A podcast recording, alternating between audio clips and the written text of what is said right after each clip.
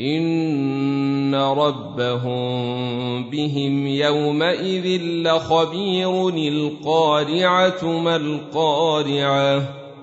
وما أدريك ما القارعة يوم يكون الناس كالفراش المبثوث وتكون الجبال كالعهن المنفوش فاما من ثقلت موازينه فهو في عيشه راضيه واما من خفت موازينه فامه هاويه